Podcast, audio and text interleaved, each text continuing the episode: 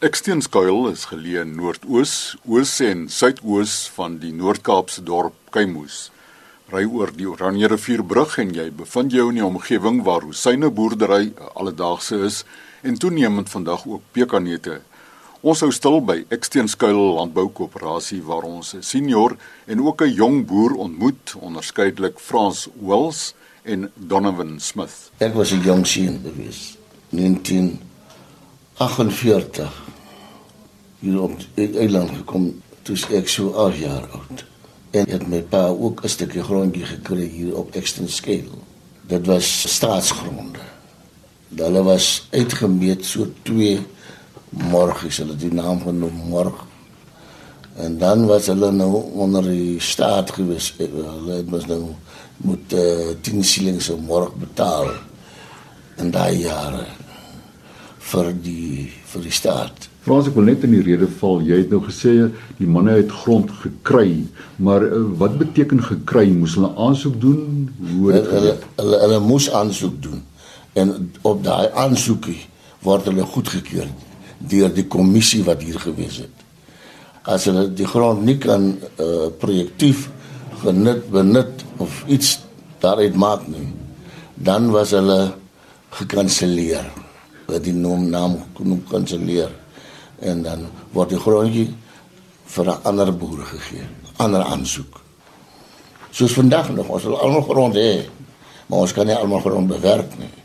Op daai tyd se boerdery was mos nou maar uh eerste ding was uh jy moes maar jy 'n melkbokkie gehad het of 'n melkkoe. En dan het jy met boontjies geboer. So 'n boontjie wat so lekker rank. En hy word met die donkies uitgetrap op die vloer en uitgewaan en in sakke gegooi en hy word aan die koöperasies gaan verkoop. En daarna toe kom lensies in. Nou lensies was natuurlik daai dit 'n hoë prioriteit vir die Indiërs. Hulle maak mos met die lensies baie kos en goeder in Weskaap. Nou toe het ons baie lensies geplant en gesaai. Plus koring en ertjies. Dit was die gewasse waarmee geboor was hierso. Dit is natuurlik seker soos enige iets uitfaseer. Kyk ons, ons weet nie miskien hoe lank gaan ons wingerde hou nie dan faseer ons nou al kyk soos ons begin al reeds met pikkerneute. Is dit nie ook 'n stadium waar dit nou uitfaseer van wingerd af na pikkerneute toe nie? Nou dit het so ook maar seker so gegaan. My ou skoonpa het nog osse gehad, ja. Hy het nog osse gehad. Donkies was dit ding geweest myle en goed het later ingekom. Wat hulle natuurlik met die plaasboere eh uh, ek kon nou die een was Norman Frank. Het 'n groot plaas gehad met baie perde en myle en myle goed geteel het en so meer.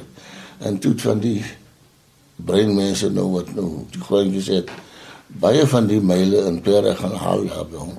Gaan vang, hulle moes ook self gaan vang daarso. Na inbring. En dan jy nou die gedoen te gesien om hulle mak te maak om nou iets om sy nek of waar om vas te maak en die ding moet jy nou leer sleep en moet hom nou leer leer trek.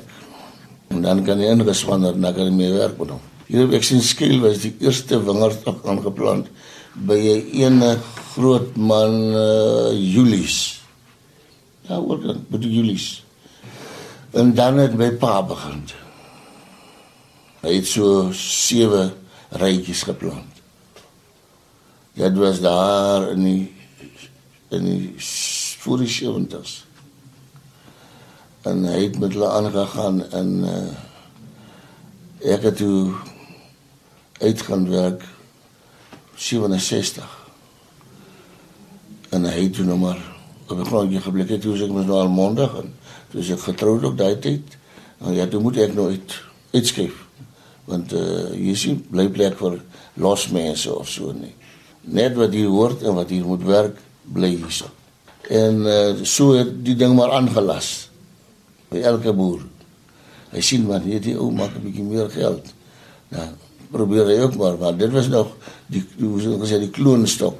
Jy knip maar die stok van die ander bome af en dan kom plant jy hom.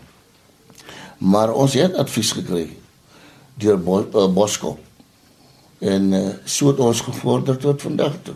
Daarom ekstreem skill is baie bevoordeel deur water en paaie oor die riviere te hê en water in op hulle gronde en, en so meer.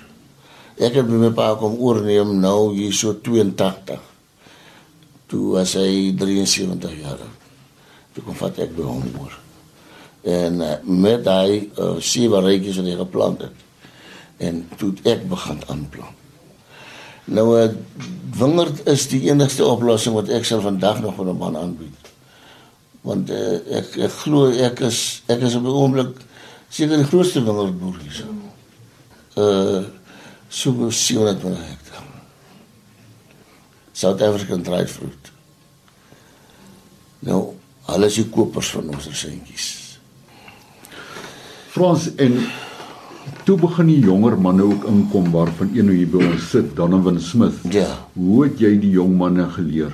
Nee, hulle kom ons maar saam met pa vergadering toe gekom en gekom luister en gekyk wat wat pa op die land maak en hulle werk saam met pa en, en so meer. Dit dit dit, dit was maar die, die samekoms en uh, daar volgens het die het hy nou oorgevat by sy pa. Uh ek het uh, die skool klaar gemaak 2003. Uh daarna gaan werk so vir 6 jaar en na 6 jaar het ek gewerk uh, gelos en my pa kom al boer.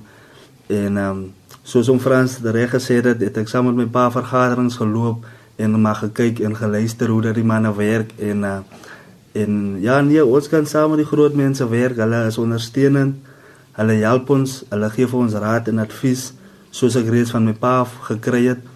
Ehm um, Eigenlijk is mijn pa niet meer daar. Uh, so, uh, ik maak ook staat op die bijstand en die advies wat ik van die andere groot uh, uh, boeren uh kry, maak ek groot staat op hulle en en hulle is nooit hulle druk ons af nie.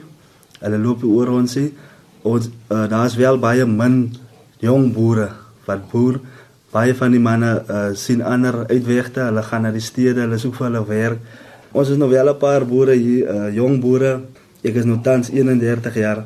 Nee, definitief is daar toekoms vir die jong mense uh is nou net so dat uh, uh ek dink die passie die die die die oordrag van die vader na die kind moet net seker beter uh gebestuur word.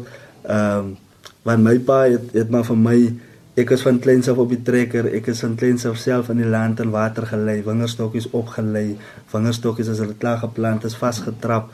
Ek het saam met hom gegaan SAD toe wanneer ons die rosentjies inlewer, wanneer dit opgeweeg geraak en uh daar het ek ook gesien die goeie geel wat in rosentjies is. En dat definitief 'n paar jaar terug het die rosentjieprys geontplof het die hoogtes ingeskiet en dis hoekom almal rosent drywe wil plant. Ons het nou uh, ja 2 jaar terug begin 'n pekanneute plant en ek is ook deel van die uh, pekanneute groep en uh, ek het ook self 'n uh, halwe hektaar pekanneute geplant en uh, ek is baie optimisties want toe ek um, in ehm um, 2004 begin werk het ek klein pekanneet boontjies in die pad gesien. En soos ek op pad na werk toe gery het, het ek al gesien hoe hierdie boontjies opgroei. En ehm um, vandag ehm um, 13 jaar later as dit groot eislike bome en dit dra verskriklik pekanneete. Eh uh, alhoewel dit eh uh, 7 jaar neem om oes af te haal, sien ek nogtans uit want die opbrengs opbrengste lyk mooi en die geel daarin verbonde lyk ook baie mooi. Uh heidaglik as ek die, die my somme maak uh klop pekanneute rosine. En dit is op 'n einde van die dag lyk dit vir my die tendens is om Frans vroeër gesê het ons kyk wat faseer uit en ons vat die volgende ding en ons gaan met hom. Frans, jy kan oorhoofs vandag kyk na die ontwikkeling hier op Eksteenskuil. Wat is die grootste uitdagings wat nog vir boerdery wag hier? wat vir boerdery wag hierso is maar net die infrastrukture om hulle wat daar is te verbeter. Soos paaie, brûe, waterstelsels en so meer. Dit is dit sal dit sal alwees wat ons dan miskien nog nie alter vorentoe. Want dinge het nou baie agteruit gegaan. Ons is ons ons ons ons ons, ons infrastruktuur begin versleg nou met die tyd en want daar word nie aandag aan hulle gegee nie. Dit is baie mooi ingerig daai jare Maar dit het nog ons daar ons het nog nie gekom by 'n opgradering daarvan nie. En dit is tog wat 'n mens moet doen. Ek dink ek kan tog vir jou die vraag vra oor al die jare, hoe danig was die skakeling van die boere hier op Eksteenskuil met hulle omringende boere? Uh nogal, nogal. Na ons die uh, boerevereniging gestig het, het baie van hulle vir ons kom ondersteun. En as hulle vergaderings hou, dan nooi hulle ons uit vandag nog. Ons het nou hier in die maand vergadering gehad by by hulle hulle het ons uitgenooi om te kom luister na die spuitprogramme vir die, vir die, vir die, vir die, vir, die drywe en wat moet jy doen en wat moet jy doen vir witroos en al die verplaai met alle goeders. Nee nee nee ons is ons ons ons, ons is ons werk baie mooi saam met die manne. So gesels Frans Wells en Donovan Smith, albei boere van Eksteenskuil in die Noord-Kaap.